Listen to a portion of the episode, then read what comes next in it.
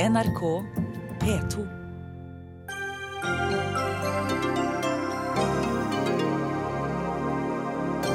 Gi oss fire år til, og flere skal få velge mellom offentlige og private helsetjenester, lover Erna Solberg og Høyre. De brøt de viktigste valgløftene om helse, sier Arbeiderpartileder Jonas Gahr Støre, og advarer mot å stole på Høyre nok en gang. Det blir straks toppmøte her i Dagsnytt 18. Samer bør få borgerlønn som kompensasjon for alle lidelser de er blitt påført, sier sametingskandidat. Uaktuelt med forskjellsbehandling, svarer Fremskrittspartiet.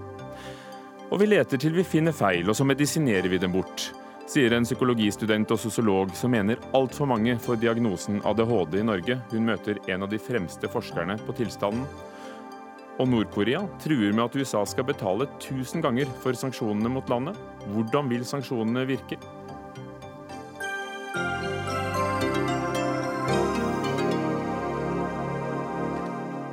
Velkommen til Dagsnytt 18, med Hugo Fermariello i studio.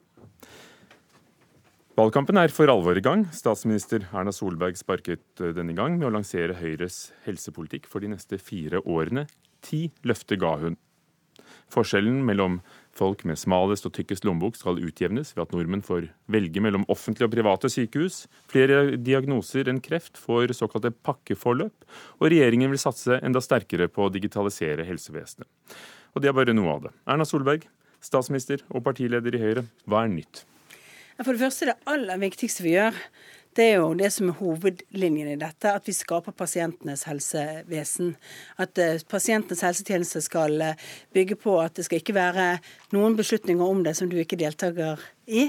Uh, at vi skal være mer brukerorientert. Og dette er jo den store egentlig kulturreformen vi jobber med i helsevesenet for øyeblikket som også har som effekt at vi behandler flere. Ventetidene går ned. Er, vi ser pakkeforløpene fungerer godt, som nettopp bygger hele systemet rundt pasientene, istedenfor at eh, pasientene skal tilpasse seg systemet. Og Vi skal gå videre på å få ned helsekøene enda mer. Nå har vi sagt at det er 50 dager som er målet vårt. Det er et ambisiøst mål for å gå ned, at, skal, at det skal være gjennomsnittlig ventetid. Så utvider vi antallet pakkeforløp. Vi går over til noen av de store kroniske sykdommene. Det gjelder bl.a. de store kvinnesykdommene, som utmattelsessykdommer, som eh, muskel- og skjelettsykdommer. Vi innfører pakkeforløp som jeg snakket om i dag, for oppfølging når du kommer hjem eh, etter kreftbehandling. Fordi det er så viktig for å få samhandlingen mellom de ulike etatene rundt deg, og hjelpen til å være systematisk og god og Der ser vi at denne modellen med koordinator gjennom pakkeforløpet er utrolig viktig. Jonas Gahr Støre, partileder for Arbeiderpartiet. Er det noe av dette du er uenig i som målsetning? Eh, dette med pasientforløpene tror jeg er bra. Det tror jeg er en videreutvikling av hva sykehusene har jobbet med de senere årene. At du får et eh, bedre forløp som pasient inn i sykehusene. Det tror jeg det er bred faglig enighet om. Hvis vi løfter blikket og ser hva vi har foran oss når det gjelder utfordringer for Sykehus-Norge, så er spørsmålet svarer denne planen på det, og der er jeg i tvil. Vi får et helsevesen som skal behandle mange flere eldre med sammensatte lidelser, mer komplisert. Vi står overfor en utvikling hvor alt som skal skje i sykehusene av ny medisin og nytt utstyr, blir egentlig dyrere. Det er kostbart. Eh, og det tredje er at vi skal møte livsstilssykdommer eh, som det er krevende eh, å reparere, og som vi må arbeide for å forebygge. Og satt på spissen så tror jeg det handler om at det blir kostbart å drive vårt helsevesen, og det dette er et av de områdene hvor vi virkelig får på spissen skal vi investere i dette sammen, eller kutte i eh, skattene? Og Det Høyre legger frem her, det mener jeg eh, illustrerer det. Fordi at eh, de i denne perioden har ligget langt under de løftene de hadde på økonomi i sykehusene for å løse de store oppgavene. Og det ser vi på mange av manglene. Det at nå kreftmedisiner er så dyre og kommer så ulikt tilgjengelig til pasienter fordi vi ikke kan betale for mange av dem, det at uh, mange uh, deler av behandlingen blir veldig omstendelig og, og, dyr. Og jeg ser på de forslagene som Erna Solberg legger frem nå, så er jeg overrasket over ett. Og det er at de velger å fortsette med noe de satte i gang i denne perioden, med en veldig dyr, byråkratisk og uheldig reform, som de kalte det, om å åpne et privat sykehusmarked for de offentlige sykehusenes regning. Det var en dårlig løsning da den kom. Den har behandlet få. Det har vært byråkratisk og veldig ujevnt. Den skal de altså utvide, og det mener jeg er veldig feil bruk av, ressursene våre. Erna Solberg, er det en kamp om kroner og øre, en kamp om kultur? Det er først og fremst eh, en kamp om kultur på noen av disse områdene. Så trenger du mer penger i helsevesenet. Derfor har vi jo brukt mer enn 9 milliarder kroner mer i helsevesenet i løpet av disse årene. Men det var det ja, dere lovet tolv? Ja. Eh, men det som er viktig for oss, er ikke hvor mye penger du har, men hvor mange pasienter du behandler. Og det som er interessant, er at Arbeiderpartiet foreslo at, eh, og sa i sin plan de skulle bruke 12 milliarder kroner, og så skulle de behandle 1 million flere pasienter i løpet av disse fire årene. Vi klarte altså med mindre bevilgninger bevilgninger å behandle én million pasienter to år før det Arbeiderpartiet hadde plan om å nå med sin plan. Og det er fordi vi har bedre løsninger. Vi klarer å få mer, ut, mer pasientbehandling ut av de ressursene vi har. Og da er det viktig. Og selv Arbeiderpartiet når jo ikke sine 12 milliarder i sine budsjetter. De har 1 milliard mer. Så det, ja, jeg kan si vi klarte ikke å nå våre mål. Arbeiderpartiet har ikke nådd sine budsjettmål. Hvilken rolle har de private i, hatt i den tiden dere uh, har hatt på dere nå, fire år? Uh, noe Støre kalte for en kostbar og byråkratisk reform med små resultater. Det er to, to, forskjellige måter du bruker private på i vårt helsevesen i dag. Det ene er anbudene. De har vi økt. Det er en av svarene på hvorfor vi f.eks. innenfor rusomsorgen har fått veldig stor nedgang i eh, ventetiden. Og, hvor, og så har vi en behandlingsreform som er en valgfrihetsreform, som dreier seg om at du skal kunne velge hvilket uh, behandlingssted du vil, vil behandles på. Da får de private litt mindre betalt betalt enn de får i anbudene. Men hvis de vil være med på den ordningen, så gir det også en mulighet for en pasient, selv om ikke det private sykehuset har fått anbudet på det og velge det. Men det er altså billigere enn det skjer i det offentlige, og billigere enn det skjer på anbud. Det er altså sånn at Arbeiderpartiet vil fjerne denne ordningen. Så vil de sørge for at du får mindre valgfrihet, du kan få mindre valgfrihet, og du skal ha dyrere pasientbehandling. Eh, Erna Solberg, du ligger 3 milliarder kroner under det du lovet. Det er 3000 millioner kroner. Fortell ikke meg at ikke vi kunne fått mer kreftmedisiner, mer, utstyr og utvide tilbudet til pasientene. Så der ligger det under det du har lovet på. Det anskuler det du også går inn i nå, når vi skal tro på Men dere lå altså to milliarder under det de, de lovet? Vi har, ligget, vi, har, vi, vi har, oppfylt våre løfter i, i, våre alternative budsjetter. Men så skal jeg komme til dette med, med, med, det har du denne, ikke gjort. Jonas Gahr Støre, nå må du være ærlig. I det budsjettet du, alternative budsjettet du la frem i høst, hadde du ikke tre milliarder mer. Du hadde én milliard mer enn det regjeringen hadde i budsjettet. Og du kan ikke summere hvert år i denne perioden fordi du har brukt de samme inndekningene. I så fall så må vi ikke si at du skal ha 15 milliarder mer i skatteøkninger. Da skal du ha 45 milliarder. Neida. Og faktisk, det mistenker ikke jeg deg for. At du skal øke med skattene med 45 men, milliarder, hvis du regner på den måten. Vi har, vi har levert på våre løfter og kunnet, hadde kunnet sørge for at flere hadde fått kreftmedisiner, og færre hadde måttet bruke sin private lommebok. Dette er nemlig veien til todelingen. Hvis ikke vi investerer i dette helsevesenet, så kommer det til å bli dyrt med det bildet vi ser på pasienter fremover.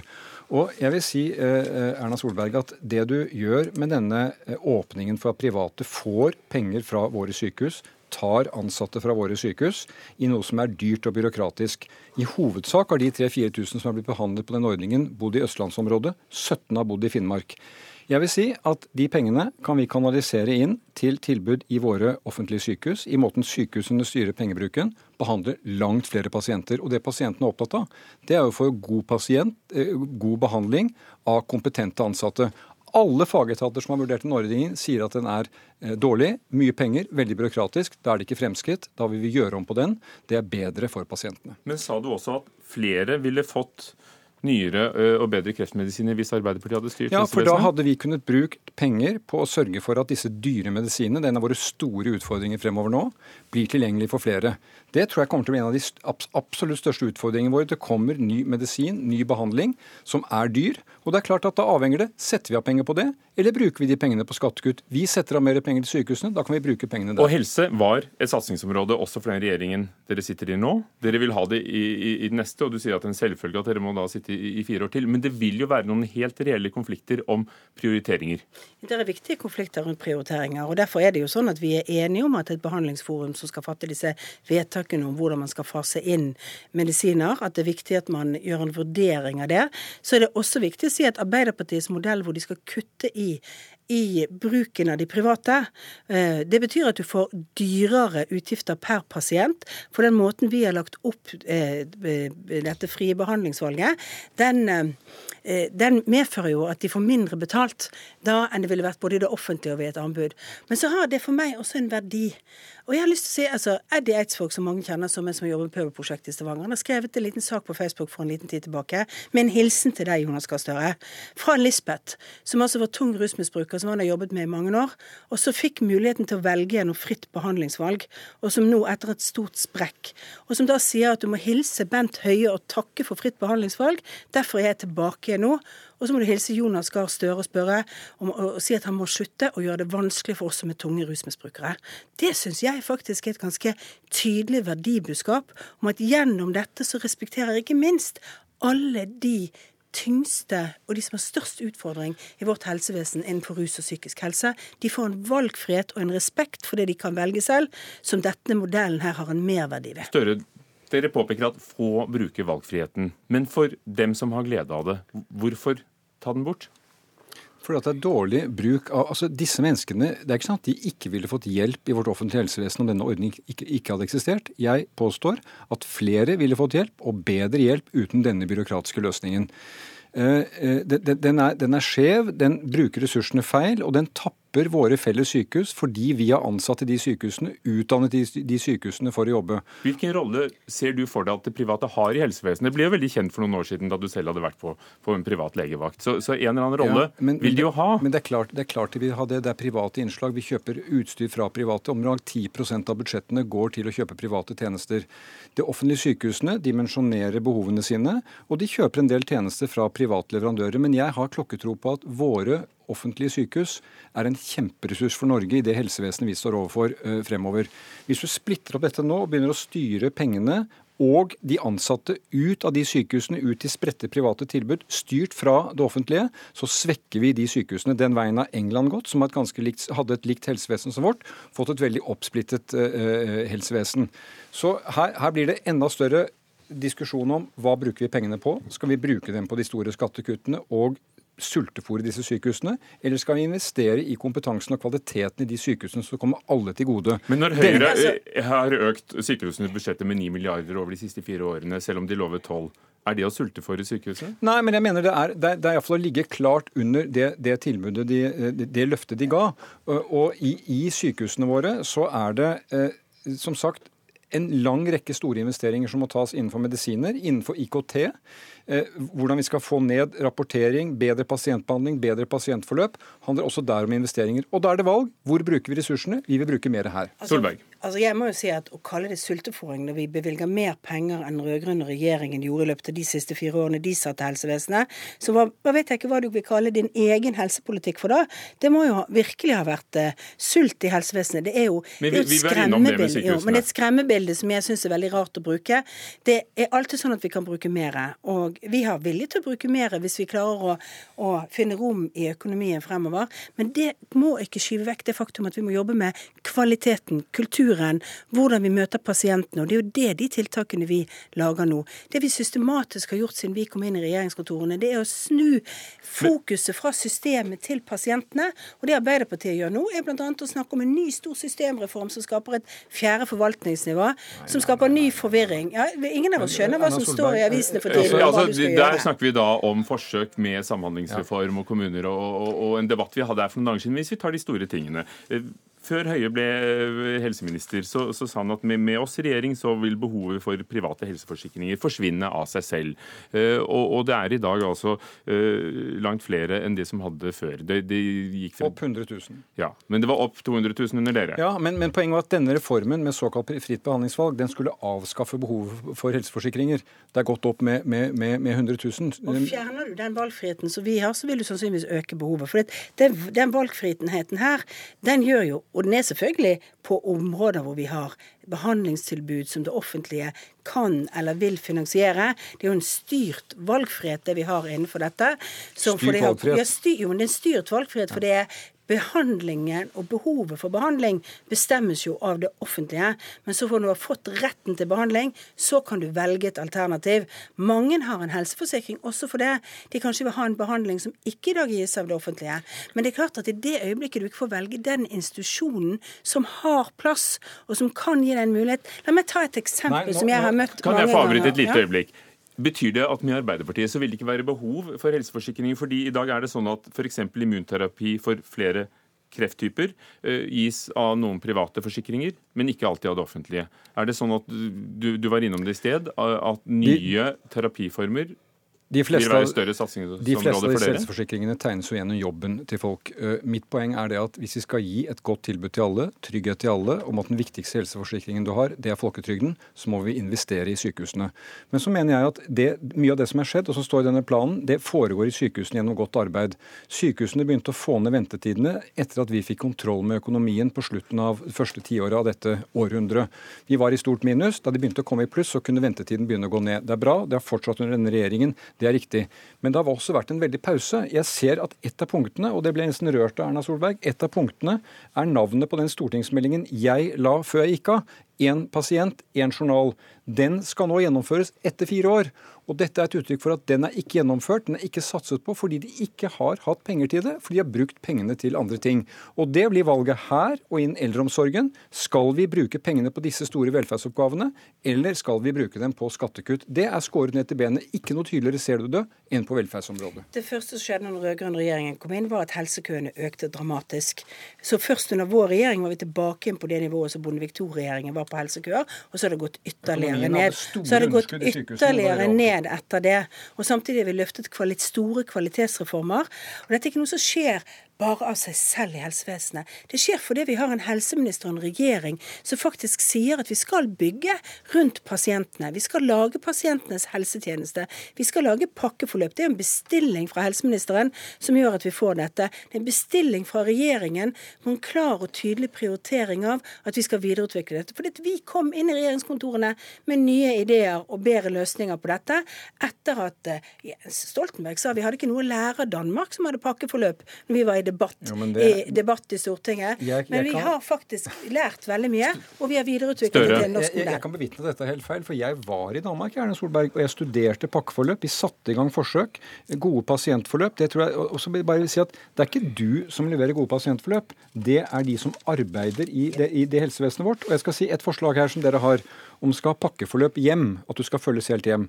Jeg er mer ambisiøs enn det. Du må ha pakkeforløp fra hjem til sykehus og hjem igjen hele veien rundt. Og Det er der vi kommer til å få behov for digitalisering av helsevesenet, som det har vært reformpause på i fire år. Lite har skjedd. For hvis vi skal få det gode pasientforløpet at du fra du er syk, innom fastlegen, til sykehus, tilbake igjen, ikke faller mellom mange stoler, som i dag er tilfellet, så må vi våge noen nye reformer. Vi må våge å se at forvaltningssystemene jobber bedre sammen. Det er ikke å satse på systemer, det er å satse på pasienten, at han og hun blir sett. Men på dette området så mener jeg vi har ligget etter. Nå skal dere altså straffe sykehus som ikke rapporterer nok på kvalitet. Jeg ser at lederen for Vestfold sykehus, Kinserdal, som er en av de beste lederne i norsk sykehusvesen, advarer mot det. Vi må jobbe med de ansatte som er på jobben, gjør en god jobb, får støtte fra det de gjør, også gjennom investeringer. Men uten rapportering, uten systemer for åpenhet om dette, hvordan skal du følge med? Nei, du må ha færre rapporteringer av unødige ting. Nå sier regjeringen at de som ikke rapporterer nok, de skal få straff skal og trekke penger inn. De, De må rapportere- riktig, og så må de få instrumentene til å rapportere på det som virkelig Du var jo selv helseminister, som du påpekte, Støre. Ser du noe godt i det regjeringen har gjort på helseområdet de siste fire årene, som, som dere vil ta med dere og bygge videre på? Akkurat Ja. som de bygde videre på den utredningen du klasket i bordet Ja, før men, du forlot stolen? la oss være voksne i dette rommet. Det store i norske sykehus skjer i sykehusene av fantastisk dyktige ansatte. Og vi er heldige som kan styre dette landet og overta med dyktige eh, folk som jobber der. De bør gis æren for det. Av de, mange av de fremskrittene som skjer på overlevelse fra kreft, pakkeforløp, pasientforløp, skjer fordi de jobber godt i sykehusene. Det skal vi ta med oss videre. Og mye av det som står i denne planen, har vi foreslått i Stortinget, er bredt flertall i Stortinget, men på to viktige områder. Betaler vi det det koster? Og skal vi i Norge begå den feilen andre har gjort, om å splitte opp dette fantastiske offentlige helsevesenet vårt, lage privat sykehusmarked, attpåtil med å tappe sykehusene for penger? Mitt svar er nei. Vi har andre valg, og vi kommer til å velge annerledes. Ok, Men Solberg, er det det du vil? Splitte helsevesenet og lage et større privat Det, sykehusmarked? vik- det viktige er jo faktisk at helsevesenet vårt er offentlig finansiert. Og det er jo det vi gjør med den modellen vi har her. Vi gir valgfrihet innenfor en offentlig finansiert modell. Og så sørger vi for at de private får litt mindre betalt enn det offentlige for den behandlingen. Og så sier Støre flere at det tapper det offentlige helsevesenet for leger og Nei, penger. For dette er, dette er et tilbud som allerede eksisterer. Måten vi utformer dette behandlingsvalget på, gjør jo at det ikke er et insentiv til å utvide behandlingsvalget som sådan. Men vi må altså se at det er noen Jo, men det, vi utvider ikke kapasiteten. Dette er kapasitet private har. Dette er tilbudet som de allerede eksisterer. Og så må jeg si at det å lære av feil, det er jo den eneste måten du blir bedre på. Og det er helt symptomatisk at Arbeiderpartiet ikke ønsker åpenhet. De ønsker ikke at vi skal lære av feil. De ønsker ikke at eh, F.eks. ønsker de ikke å ha en selvstendig undersøkelseskommisjon for større feil og hendelser i helsevesenet. Der er vi uenige. Vi må tåle å ta kritikk i offentlig sektor. Vi må tåle For det var et av forslagene som du det er et av de viktige forslagene vi har rundt, et av de viktige forslagene rundt dette, er at når vi ser på den store saken om Ida og tvangsbehandlingen som Stavanger Aftenblad har, ser på tvangsbruken som er avslørt av VG, ja, så må vi faktisk også lære av feil i offentlig sektor, og da må vi vite om det. En liten sluttreplikk til det. Undersøkelseskommisjonen var et av de ti forslagene i dag. De kalte det en havarikommisjon. Eh, Jeg mener at det som er viktig for god pasientsikkerhet, er at de som jobber der, vedstår når noe er feil, og vil lære av dem. Hvis du går ned denne veien, så frykter jeg at du får den utviklingen at sett de siste årene, at leger og sykepleiere stiller med advokat i møte med Helsetilsynet. Når det skjer feil, så må vi få dem på bordet og lære av dem. Og det å skulle ha en undersøkelseshavarikommisjon mener jeg kan skape en fryktkultur i helsevesenet som ikke er bra for pasientene, og mindre rapportering på det som virkelig er viktig for pasientene når det skjer. Vi går ikke videre på de punktene, men det er fem uker til valgdagen i dag. Erna Solberg, du valgte å, å åpne med, sammen med stortingsgruppen med å komme med ti helseløfter. Blir helse den viktigste valgkampsak? Ja, det er en viktig valgkampsak for oss. Det tror jeg er viktig for alle mennesker å vite at du får et godt helsetilbud. Og så er vi stolt over resultatene. Vår politikk har vist seg å gi bedre pasientbehandling til mange flere i Norge. Støre, er det helse vi kommer til å snakke mest om i valgkampen? Altså Helse har for? Arbeiderpartiet alltid vært en hovedsak. Det er en av våre hovedsaker nå. Men jeg vil, tro, jeg vil, jeg vil, jeg vil nesten si det slik at eldreomsorg er enda viktigere. Fordi at vi får flere eldre. Og hele omsorgen for våre eldre det kommer til å være vår store oppgave nå. For det virkelig kommer til å skje fra 2020. Men det handler også om sykehus, som jeg sa. Eldre med sammensatte lidelser skal behandles i sykehusene. og Det kommer til å bli en stor utfordring, og det kommer til å koste. Og vi må være villige til å betale for det. Takk skal dere ha. Jonas Gahr Støre, Arbeiderpartileder, Erna Solberg, statsminister og Høyre-leder. Dagsnytt 18 alle hverdager kl 18.00 på NRK P2 og NRK2.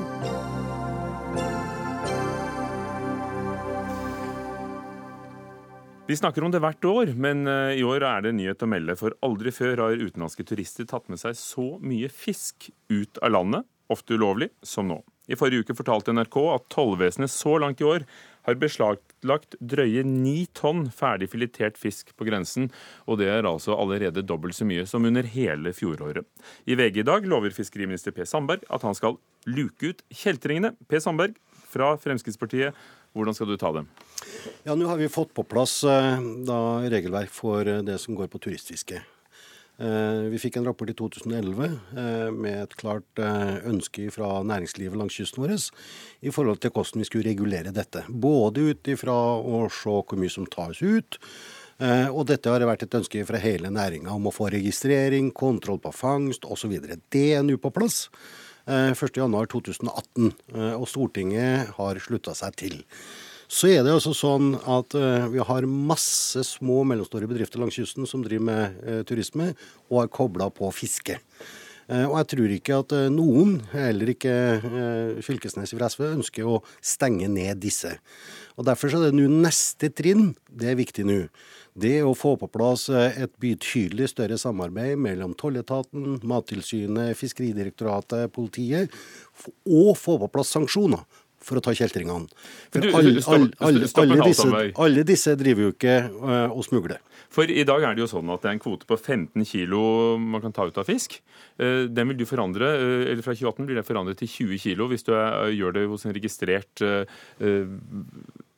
aktør som driver med turistfiske, eh, eller 10 kilo hvis du har fisket eh, på egen hånd. Men hvordan i all verden skal det hjelpe når de som blir stoppet, kanskje har 600 kilo ferdig filetert, vakuumert og dypfryst fisk? Helt riktig. Og da er det derfor jeg sier at Nå har jeg snakka med både justisministeren og finansministeren, for dette ligger under toll, ligger under politi, så har jeg da Fiskeridirektoratet og Mattilsynet. Nå må vi ta i bruk de samme sanksjonssystemene som vi har på ulovlig fiske i havet. Det betyr betydelig større bøter. Når man overstiger disse grensene på 10 og 20 kg. Det er beslaglegging av utstyr for dem som driver denne type smugling. Og det tredje er at vi må gå langs kysten vår og ta ut dem som faktisk driver med miljøkriminalitet, eh, uten å ramme dem nå som går inn i denne registrerte og seriøse delen som heter for turistfiskenæring. Og de instrumentene har vi ikke i dag. Men det er det jeg varsler nå. Nå har vi fått på plass et system, et kontrollsystem, både i forhold til fangst osv. Nå må vi komme med sanksjonene på dem som faktisk overstiger disse grensene, og som bevisst driver kriminalitet med å ta ut flere hundre kilo fisk. Torgeir Knag Fylkesnes, du ble nevnt her i sted av statsråden. Du er stortingsrepresentant for eh, SV nettopp i Troms, hvor du er med fra, i, i, i Tromsø. Eh, hva, hva tror du om forslagene? Nei, dette er jo Den registreringsplikta som Sandberg kom med rett før sommeren, det var jo et resultat av at vi hadde foreslått dette et halvår før. Så det er bra, det, altså? Ja, altså, det er eller for å si sånn, Vi hadde et litt annet type forslag som ville gjøre at alle som skulle drive på med turistfiske, måtte være registrert. Altså at du ikke kunne føre ut fisk gratis eh, av landet uten å, en, uh, uten å være innom en sånn registrert bedrift. Det... Men hvis en bobilturist fra la oss si Tyskland da, skulle dra ut fiskestangen og ta med seg to torsk, kan det, kan det være nødvendig å regulere det? Ja, altså Vi har jo et kolossalt raust system for turistfiske i, i, Norge. Du kan fiske nesten ubegrensa når du er her. Og så har man da, som ingen andre land har, at du kan ta med deg ganske store kvanta fisk ut av landet. 15 kilo. Har, ja. Og det har ført til eh, et, et, et, en turisme som er veldig skadelig for eh, både bestander langs kysten, men også for hele uttaket av fisk i våre eh, langs kysten og i fjordene. Eh, fordi at man tar ut kolossale mengder, og veldig mye av dette her er ulovlig. Så for, fordi at man har hatt en ordning der man kan ta mye fisk ut av landet, så har det skapt en kriminalitet. Og det her har vi prøvd å uh, få fiskeriministeren til å ta på alvor i, over flere år. Eh, og det er først nå at han melder at nå skal han begynne å ta og øke kontrollene. Samtidig som vi vet at det er utrolig enkelt å komme seg eh, over grensen umerka eh, og ta med seg fisk ut av landet. Dette gjøres i stor skala. Senest i dag snakka med noen som fortalte eh, at det foregår rett ved siden av der de bor, i stor skala, der det pakkes store mengder fisk, og de vet nøyaktig når de skal gå over grensa og tollvesenet har ikke sjans til å ta annet enn stikkprøver av dette. her. Så fiskeriministeren kommer seint, og så mener at man har etablert et system for dette. her, Men det er bare et lite registreringssystem for noen, en liten andel av dette her fisket. Hvis man skal virkelig komme dette her til livs Ja, Hva, hva da? Hva, hva, skal til da? Ja, Da må man altså, slutte med å gjøre at det er mulig å ta fisk ut gratis fra landet. Man må øke kontrollene betydelig langs grensene. Det har ikke regjeringa prioritert. Og så må man ta okay. de langs kysten og øke bøtene. Og det, dette vi har prøvd å få fiskeriministeren til, å, til å skjønne. Og, og, det er først nå, i august 2017, at han begynner å, å, å innse alvoret. Nå må Fylkesnes han eh, driver og slår inn åpne dører hele tida. Men altså, rød-grønne hadde en mulighet til å gjøre dette i 2010-2011. De gjorde ikke noen verdens ting. Og Jeg syns egentlig SV og de rød-grønne kunne i hvert fall gi liten honnør på at nå har vi fått på plass et system som Fylkesnes sjøl stemte for i Stortinget i juni. Nå er det på plass. Så er det altså sånn at dem som driver med miljøkriminalitet, Eh, og driver med denne type aktivitet langs kysten som Fylkesnes peker på. Og som, Fjordfiskenemnda har tidligere sagt at det går utover bestanden. Også, vent, jeg skal komme til det også. Som Eh, eh, som jeg også har fått mange bekymringsmeldinger på. Men da er det jo ikke fiskeriministeren. Da er det altså helt andre. og Det er derfor jeg nå tar i bruk også både justisministeren og finansministeren. For det av det som blir beslaglagt nå, ni tonn så langt i år, det er et resultat av et betydelig større samarbeid mellom Fiskeridirektoratet, toll, politi og mattilsyn.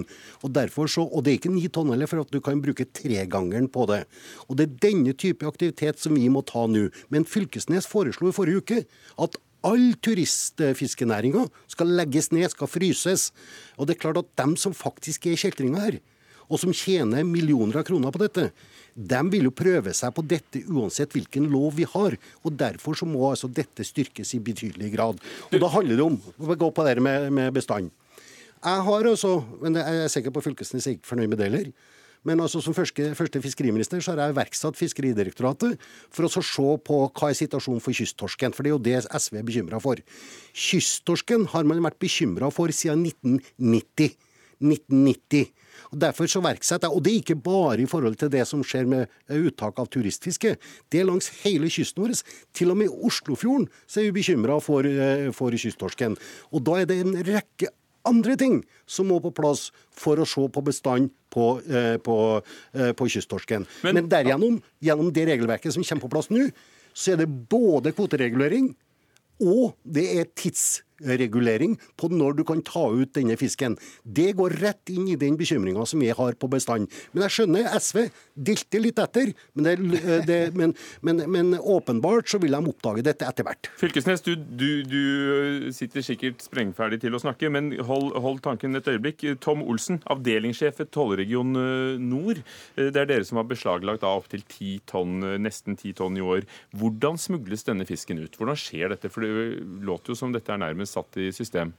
Eh, først må jeg bare korrigere deg. Vi har beslaglagt eh, per dags dato ca. ti tonn med, med, filet, men det er i hele landet. Tollregion Nord-Norge har beslaglagt fire av de tonnene. Ja. Og, og hvordan ø, opererer smuglerne? Snakker vi om en turist som tar med seg ø, 30 kg for mye, eller er det, er det mer storstilt enn som så? Det er stor variasjon i det. og Største enkeltbeslaget vi i vår region har hatt i år, det er på 311 kg med rein filet. De beste ryggfiletene av torsken. Når folk eh, har en såpass skal vi si, proff tilnærming til det hele, betyr det at de, de kan ha fått hjelp fra, fra norske bedrifter og aktører? Det er ikke vår jobb å spekulere i, men vi ser jo at den fisken som de forsøker å ta ut, den er godt bearbeidet og vakuumpakka og ser veldig profesjonelt ut, den behandlinga den har fått. Så det er tydelig ikke til privat forbruk, alt dette her? Nei, jeg tenker når du tar med deg 311 eh, kilo fiskefilet, så tilsvarer jo det vel 1000 middagsporsjoner. Så det er vel sannsynligvis ikke alltid til eget forbruk. Sandberg sa her at, at, det nå er kommet et større samarbeid mellom politi og, og dere og andre aktører. Er det, er det derfor dere klarer å, å, ta flere? Nå kan jeg kun svare for eh, det som skjer i vår tollregion. Der vil jeg påstå at eh, resultatene og økninga i år det skyldes eh, utelukkende at vi ser en kraftig økning i denne type turisme. Ja, Torgeir Knag Fylkesnes. Hvordan skille kjeltringene fra, fra en turist som, som ønsker å, å, more seg med å, å, ta litt fisk når de besøker og, og legger igjen penger i Norge? Altså, Den turismen vi ønsker i Norge, er jo folk som ønsker å oppleve eh, kystkultur og komme hit og fiske og spise god mat når de er her. Og, og har ikke Sandberg et poeng når han sier at kjeltringene stopper de jo ikke uh, ved å, å, forby all utførsel? Jo, altså det er jo det som er opphavet til denne altså at Når du kan ta med deg et visst antall eh, kilo fisk ut av landet gratis, så tar gjerne noen og sper på litt ekstra. Eh, og det at det er blitt så vanlig å kunne ta litt ekstra, har skapt en situasjon som kanskje Norge er i en helt unik posisjon Eh, fordi at vi har en fiskesmuglervirksomhet, et problem med det. Det største eh, smuglervirksomheten ut fra Norge. Men 300 kilo fisk i ett beslag, det er jo mer enn å ta med seg litt ekstra når det til og med er filetert og pakket. altså ja, det, dette høres ut som, det, det som internasjonal kriminalitet. Dette skjer virkelig i så, så, så, stor skala at vi har et nasjonalt problem.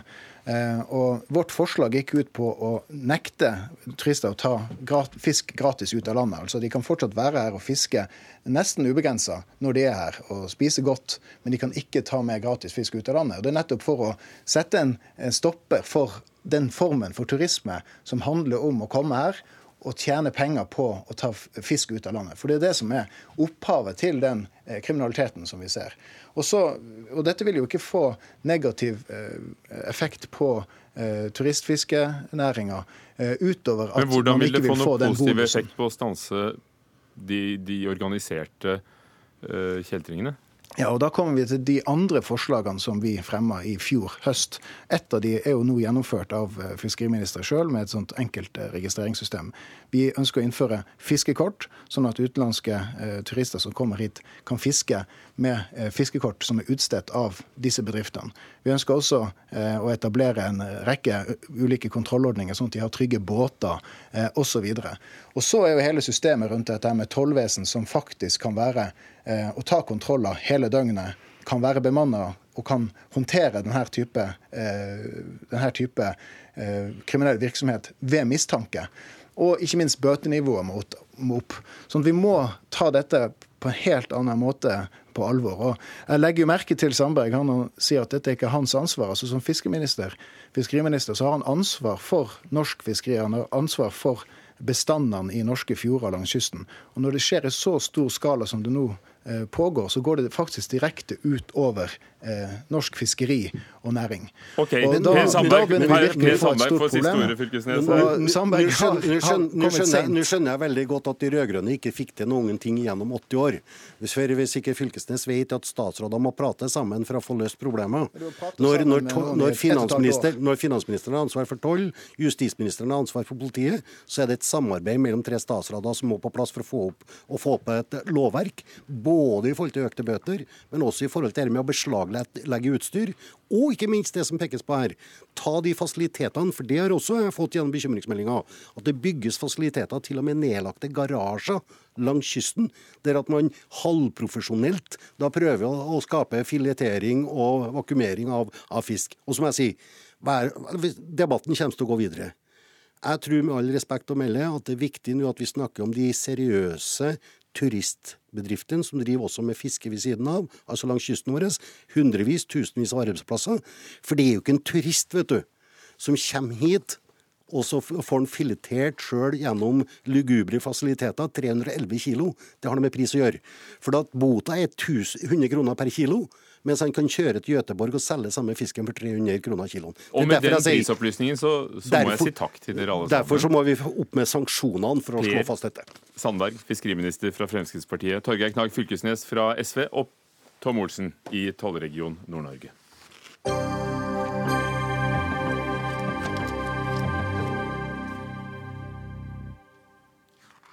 To barn går gjennom skolen, tilsynelatende ganske like. Begge like energiske, snakker mye, klarer ikke å sitte stille og forstyrrer de andre barna.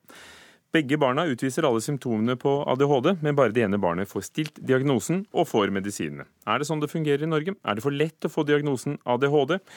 Og er de som deler ut diagnosene, konsekvente? Ann Katrin Andersen, journalist og sosiolog. Dette lille eksempelet som, uh, som, vi nevner her, det gjelder deg selv. Det er i hvert fall sånn du i, i litt lengre ordelag beskriver det på nrk.no Ytring i en kronikk som står i dag, eh, hvor du skriver at du var barnet som ikke fikk diagnosen. Hvorfor hadde du lyst til å skrive dette? Hvorfor tror du det er for mange som får diagnosen? Eh, det er flere årsaker til at jeg hadde lyst til å skrive det. Eh, for det første så blir det på en måte litt personlig for meg. Fordi jeg fikk beskjed om at jeg hadde alle symptomene som barn. Og det var noe jeg tenkte på som barn. Og samtidig så jeg at en radikalt stor mengde eh, av mine klassekamerater fikk diagnosen ADHD i løpet av barneskolen. Og de snakker jeg med i dag. De har jeg som venner i dag. Jeg har de litt i livet. På medisiner, av medisiner. Eh, og mange har det ikke gått så veldig bra med. Eh, så jeg har hatt sånn, ja, jeg har hatt en personlig følelse til, til ADHD. Men jeg tok det opp igjen nå fordi jeg leste en sak faktisk om ADHD og kjente dette er viktig å snakke om. Dette er barna våre. Men hvordan kan du være så sikker på at du ville fått diagnosen, da? Det er jo noen som bare er rabagaster. Mm, ja, du sier det. Jeg er ikke helt enig med deg. Uh, nå vet jeg radikalt mindre enn Heidi ved siden av meg, men jeg uh, Jeg fikk faktisk i voksen alder så har jeg fått diagnosen. Det begynner å bli to år siden. Uh, og det, jeg føler at alt falt litt på plass med den. Jeg kan forstå behovet for å få, altså for å få diagnose, for å få en bekreftelse. Jeg har klart meg utmerket uten medisiner. Men jeg forstår at det er mer enn at barn bare er hyperaktive eller vanskelig å snakke til. Jeg forstår at det er mer omfattende enn som så. Heidi Aase, psykolog og forsker og avdelingsdirektør i Folkehelseinstituttet. Du har ledet en studie av ADHD, forsket på feltet i mange år. Kan vi begynne med hva slags tilstand er det? Det er jo en uh, tilstand som er kjennetegnet av en del atferdstrekk. Uh, hovedsymptomene er hyperaktivitet, impulsivitet og oppmerksomhetsvansker. Eh, og innenfor de tre områdene så er det flere kriterier som man kan score på. Eh, og eh, ADHD-diagnosen gis i Norge hovedsakelig til barn som har både symptomer innenfor oppmerksomhetsvansker og innenfor hyperaktivitet og impulsivitet. Tror du det er for mange som får diagnosen? Det er jo på en måte et litt rart spørsmål. Om det er for mange. Faktisk Eller tror har... du mange er feildiagnostisert, blir vel spørsmålet. Jeg tror kanskje ikke det er så veldig mange som er feildiagnostisert, men vi vet, ikke, vi vet jo ikke eksakt hvem det er som altså, Eller hvor mange som faktisk har ADHD i dag, og hvem som burde hatt diagnosen, og hvem som ikke burde hatt den. Ehm, vi ser på tallene som, som kommer fra pasientregisteret, at forekomsten av ADHD blant barn og unge har vært relativt stabilt, eller tilnærmet helt flatt. Eh, ingen endring i løpet av de siste seks-sju årene. Det samme gjelder da for antallet som har fått eh, medisinsk behandling. Ehm, og det tenker jeg at eh, altså, Og før det så var det jo en kraftig økning. Men det var jo en økningen, når man sier liksom en prosentvis økning, så er det for et veldig lavt nivå. Og uh, før den tid så uh, var det kanskje for få som fikk diagnosen uh, i forhold til de som faktisk hadde disse problemene. Det er jo et definisjonsspørsmål. Og, og, hvis jeg har forstått det riktig, så er det sånn at eh, i den amerikanske diagnosen så heter det ADHD, og, og, og favner langt flere. Langt flere i USA får da medisinsk behandling. Her heter det vel egentlig hyperkinetisk atferdsforstyrrelse, og er en strammere diagnose enn den som brukes i USA. USA. Så, så hvor setter definisjonen på hvem som trenger hjelp, og hvem som trenger medisinsk hjelp? Mm. Ja, og det er en utfordring. Det er ikke til å øh, stikke under en stol. Øh, men øh, vi har jo kriterier som vi skal følge, og det er riktig som du sier. Det diagnosesystemet som vi bruker i Norge, hvor vi kaller det for en hypokinetisk forstyrrelse, det kommer fra den internasjonale helseorganisasjonen. Og Eh, mens den amerikanske fra DSM-systemet kommer fra amerikanske psykiaterorganisasjonen. og de har, Der er det litt løsere uh, krav da, til diagnosen. Men det som gjelder for begge, er at barna med disse symptomene også skal ha funksjonsnedsettelse. Altså at de skal på en måte lide av symptomene, skal ødelegge for dem på noe vis. Altså De skal få problemer med å lære, de har problemer med sosiale relasjoner, vennerelasjoner. De fungerer dårligere enn barn på samme alder, og det man burde forvente av barn eh, i samme situasjon. Og da Katrine Andersen, kan det vel hjelpe å få, få satt ord på det? Eh. Absolutt. absolutt. Som med eh, Jeg vil si alle de psykologiske lidelsene, eller tilstandene, eh, som ADHD er, eh, så hjelper det selvfølgelig å få en beskrivelse. Hvis du har det vondt, hvis du ikke vet hvorfor du har det vondt, så vil jeg tro det kan hjelpe. Og jeg vil også tro det kan bli en selvoppfyllende profeti jeg, som kan gjøre deg verre. Jeg vil heie på de som gjør det bra i behandling. Jeg heier på de som får det de trenger. Men jeg er jo bekymret for at det kan ha en negativ sosial stigma rundt seg. Eh, jeg er bekymret for hvorvidt behandlere, den, ned til den enkelte behandleren, hvorvidt den personen klarer å skille på ADHD og f.eks. overgrep, misbruk i hjemmet, eh, posttraumatisk stress. Altså, barn kan også få PTSD. Eh, og de kan være svimlende like, symptomene på ADHD, reaksjonene på normale Mens de kanskje lider av noe annet. Altså, du er jo ikke bare sosiolog, men du er snart ferdig psykolog.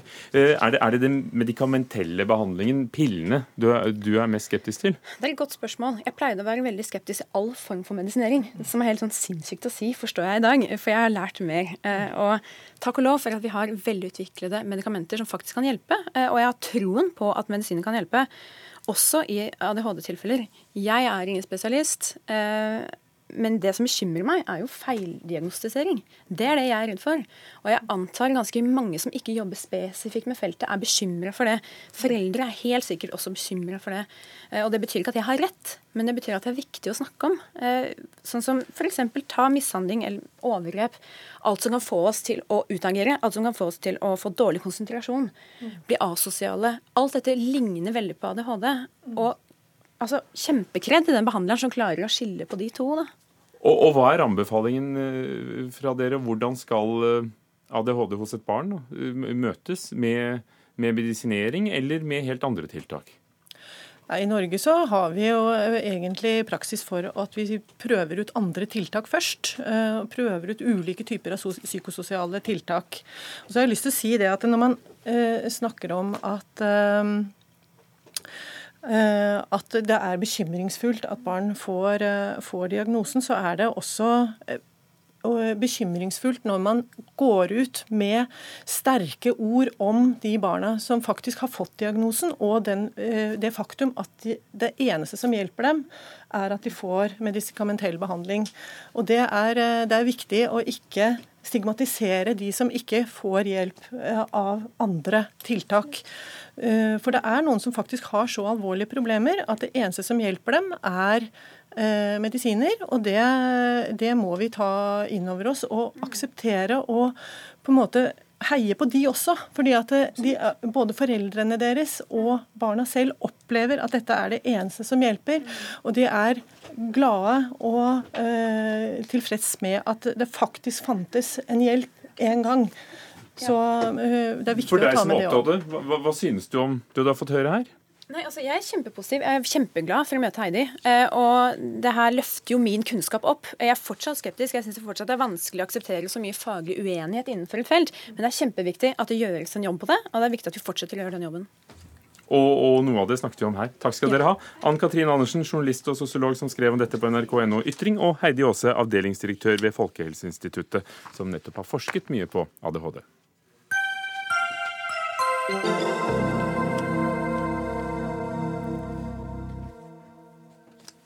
Og så noen sterke ord fra Nord-Koreas leder. Et voldelig brudd på landets suverenitet. Opprustning og kraftig hevn mot USA. Dette er sånn Nord-Korea omtaler FNs nye sanksjoner, som ble vedtatt i Sikkerhetsrådet sist lørdag. Sanksjonene, som opprinnelig USA ønsket, forbyr bl.a. import av nordkoreanske varer og begrensede investeringer i landet, og kommer etter at landet testet to nye langdistanseraketter i juli. Sunn Heidi Sæbø, forfatter og journalist. Eh, hvor hardt vil disse sanksjonene kunne ramme? Hvis de lykkes, da, så eh, er jo målet at de skal, samlet sett skal kunne redusere Nord-Koreas eh, eksportinntekter med en tredjedel. Men så er det jo alltid et spørsmål om disse sanksjonene vil bli håndhevet, og det gjelder jo da særlig Kina. Men Kina har jo sagt at de støtter sanksjonene? Og har jo stemt for det? Mm, Kina eh, har siden februar, det stemmer, de, så har de stanset all import av kull fra Nord-Korea. Um, samtidig så så vi at da de ferske tallene kom um, for um, som viste den samlede handelen med Kina det første halvåret i år, hadde økt med 10,5% sammenligna med i fjor. Så det er jo tall som peker i en helt annen retning. Og de som følger skipstrafikken mellom Nord-Korea og den kinesiske havnebyen Dadong, ser jo at her er det jo fortsatt handel og aktivitet. Men hvilken interesse har Kina av å opprettholde forbindelsene med Nord-Korea? For det første så gir det jo Kina en, en viktig sånn, realpolitisk rolle eh, i spørsmålet om Asia. Det gir dem innflytelse. Og for det andre så er det jo sånn at eh, Kina og Nord-Korea handler mye. Eh, Kina har alltid kunnet utnytte råvarehandel. Nord-Korea som en leverandør av billige råvarer. Eh, ja. Hvem vil, eh, hvem vil bli rammet av sanksjonene? Vil, vil, hvem i Nord-Korea? Som alltid så er det verken militæret eller regimet. Det er selvfølgelig den jevne nordkoreaner. Um, nå kom det nye tall fra FN i forrige uke som viste at uh, de daglige matrasjonene er redusert til 300 gram.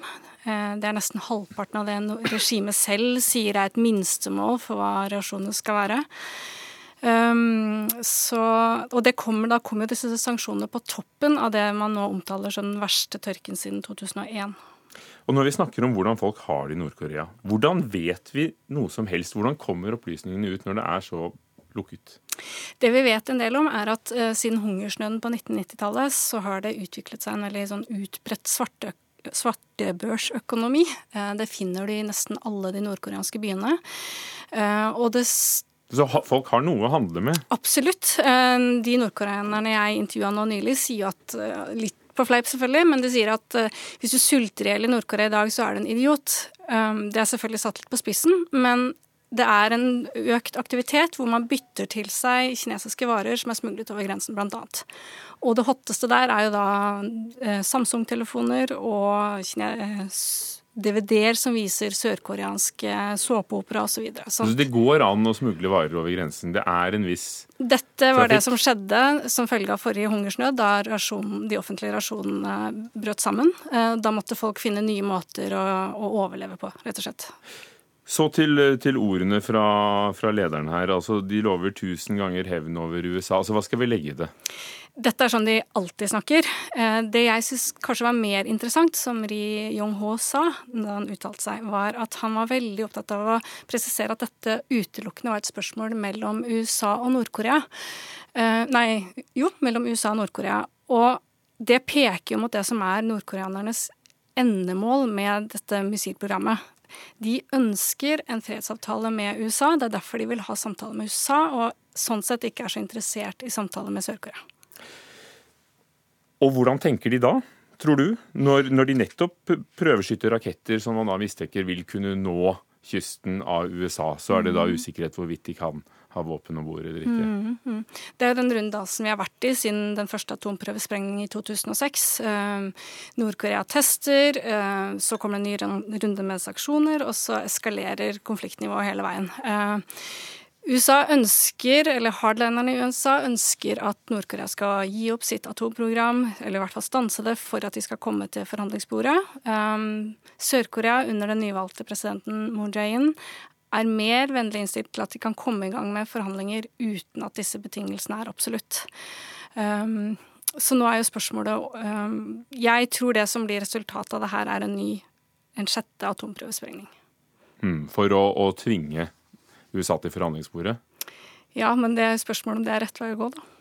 Takk skal du ha, Sun Heidi Sæbø, forfatter og utenriksjournalist. Hør Dagsnytt 18 når du vil. Radio NRK Radio.nrk.no.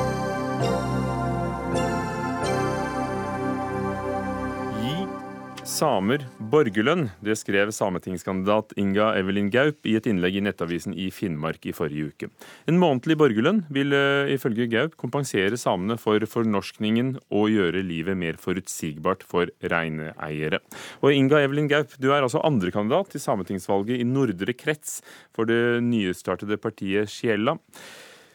Ja, kan du beskrive resonnementet ditt? Hvorfor bør uh, bør borgerlønn gis til, til samer?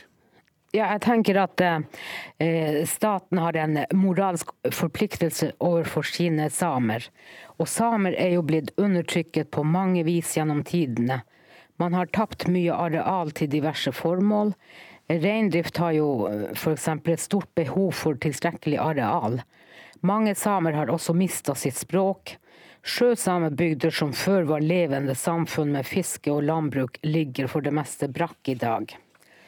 Og det er jo stor fare for at mye samisk lærdom, kunnskap og kultur eh, vil forsvinne i nær fremtid om det ikke blir satt i gang tiltak som monner.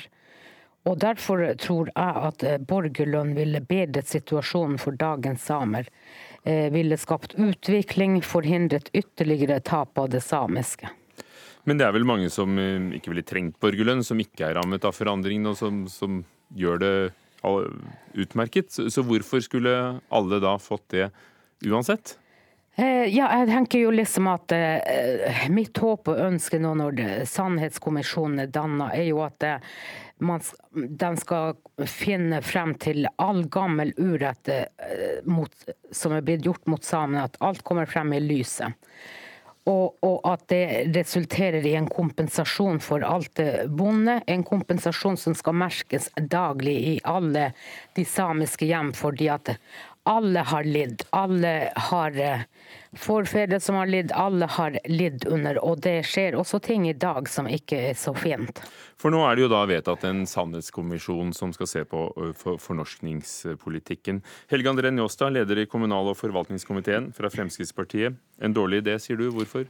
Nei, det sier seg nesten sjøl. Eh, vi skal jo ikke starte opp med forskjellsbehandling mellom samer og den øvrige befolkningen eh, med, den argumentasjonen som kandidaten her legger til grunn. Det vil jo være et totalt feilspor. Jeg vil jo gjerne spørre tilbake om eh, hvem skal finansiere denne borgerlønnen? Er det kun samene som skal få økt skatt for å finansiere det, eller er tanken at man skal sende regningen til den øvrige skattebetalerne i Norge for at man skal gi borgerlønn til kun noen få basert på etnisk opprinnelse?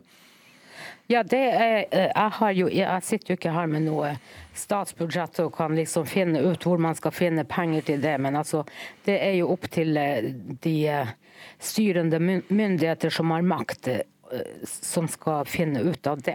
Men nå vil jo du skaffe deg maktgap, i hvert fall ved å komme inn i Sametinget som du ønsker. En forskjellsbehandling basert på etnisitet, er det veien å gå når det nettopp skal gjøre opp for en politikk som var feilslått, som gikk på å behandle folk etter etnisitet? Ja, jeg tenker jo, jo at det egentlig er bra at man snakker om forskjellsbehandling. For meg som er opptatt av menneskeverd og likeverd, så er det jo flott å høre at andre heller ikke ønsker forskjellsbehandling og diskriminering. Så Samer har jo kjent på forskjellsbehandling og, og diskriminering i lange tider, over generasjoner. Blitt undertrykket og mistet land. Dagens Vent litt. Et øyeblikk, Njåstad. Du skal få ordet, du òg. Gaup, fullfør. Ja. ja. dagens fordeling av offentlige ytelser er jo kanskje med på å bidra til diskriminering og forskjellsbehandling av samer. Eh, det er jo det er eh, Så Du mener det er en forskjellsbehandling i dag også? Det er eh, mye diskriminering av samer. Og jeg kan forklare det litt hvis dere har tid å høre. Det er 16.958 samer i samemanntallet i Norge i dag. Men det er anslått at det er omtrent 40 000 samer i hele Norge. Mange samer i dag opplever å bli hetsa. Eh, forteller du at du er same, kan du bli møtt med veldig foraktfulle holdninger. Foraktfulle og til dels rasist, rasistiske og krenkende uttalelser. Eh, og det skjer jo overalt. Det er kanskje på gata, det er kanskje, det, man ser mye av det på sosiale medier. Gaup, jeg tror jeg skal gi ordet til Njåstad, for her sitter du i Alta, og, og vi i Oslo, og, og Helge André Njåstad sitter i Bergen. Njåstad? Ja. ja. Eh, jeg vil jo gå motsatt retning. Eh, det hun ber om, er jo en forskjellsbehandling der man skal gi mer penger til samer. og Det som det vil føre til, er jo det samme som man ser responsen på hennes eget innlegg, har jo ført til at eh, den øvrige befolkningen i Norge reagerer på det. Så det, det fremmer det motsatte av det hun ønsker. Jeg og Fremskrittspartiet ønsker jo å likebehandle den samiske befolkningen med resten av den norske befolkning, og at man har samme rettigheter. Men syns jo at eh, Sametinget i seg selv er en, eh, er en ting som, eh, som, skaper problem i den øvrige befolkningen òg. Men vi har ikke fått med oss de andre partiene på å ha full likebehandling. Men dette er jo et feil steg i feil retning. Og det eneste det oppnår, er jo at vi ser på Facebook nå at den øvrige befolkningen reagerer på at nå krever man for mye. Så man oppnår jo faktisk det motsatte av det man ønsker. Og det er en helt feilslått, feilslått politikk. Og spesielt når man skal sende regningen til, til resten av befolkningen i form av økte skatter, så, så vil ikke det gagne den samiske befolkningen at resten av Norge skal betale økt skatt for å finansiere en eh, årlig utbetaling til samene bare pga. at de er samer. Njåstad eh, Gaup mener mange samer har mistet eh, f.eks. bl.a. verdifulle beiteområder for, for reinene sine. På en eller annen måte Ser du at det har vært konsekvenser av fornorskningspolitikken og samfunnsutviklingen som, som sitter igjen i dag, og som på en eller annen måte burde kompenseres? Nei, jeg ser ikke at, at det er behov for å kompensere utover det som, som er gjort. Det som er viktig, er jo at man tar vare på samisk kultur og historie og språk. Der har denne regjeringen gjort masse. Fordi at eh, samisk kultur og språk er en viktig del av norgeshistorien. Eh, og det skal vi selvfølgelig ta godt vare på. Eh, men at, at man skal på en, måte, på en måte lage nye ordninger for å kompensere, det blir helt feil. Det samene trenger, er å bli likebehandla med nordmenn. Og da handler det om at samfunnet utvikler seg. Det er behov for å, å se på hvordan næringsveier er. Og det er jo ikke forbudt for samer å, å skape andre arbeidsplasser enn de tradisjonelle som de har hatt. Eh, det handler om å være på lik linje med resten av befolkningen, som må omstille seg når, eh, når, tradisjonell industri forandrer seg. Så må man skape nye muligheter. Det samme gjelder den samiske befolkningen. Og vi skal være et parti som sier ja til nye næringsmuligheter òg eh, i Finnmark og i de samiske områdene. Så skal vi si ja til å skape nye arbeidsplasser. For... Gaup, Gaup er, det, er det sånn at altså, Næringsutviklingen uh, går jo sin gang, uh, ikke, og alt skyldes vel ikke fornorskningspolitikken. Vil ikke dette innebære en, en likebehandling? Nå sier det finnes målrettede tiltak. Jeg tenker liksom på, på det her eh, systemendringer.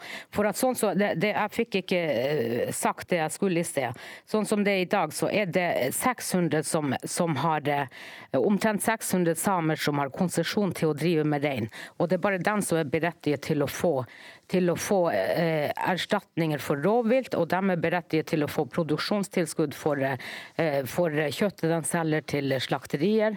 Og så skal eh, resten av Norges samer på 40 000 samer eh, finner seg i, at, eh, i å bli kalt for, for erstatningsmottakere og alt det her. Og det, det tenker jeg, Hadde man forandra systemet og fått et annet system av fordeling av disse midlene, så, så hadde man sluppet denne hetsingen. Og det må bli fordi... siste ord, det. Inga Evelyn Gaup, andrekandidat i sametingsvalget, fordi Dagsnytt 18 er straks over. Takk til deg. Takk til Helge André Njåstad. Ingebø Sæbø var ansvarlig for Dagsnytt 18. Ida Larald Brenna, teknisk ansvarlig. Ugo Fermerello, programleder. God kveld.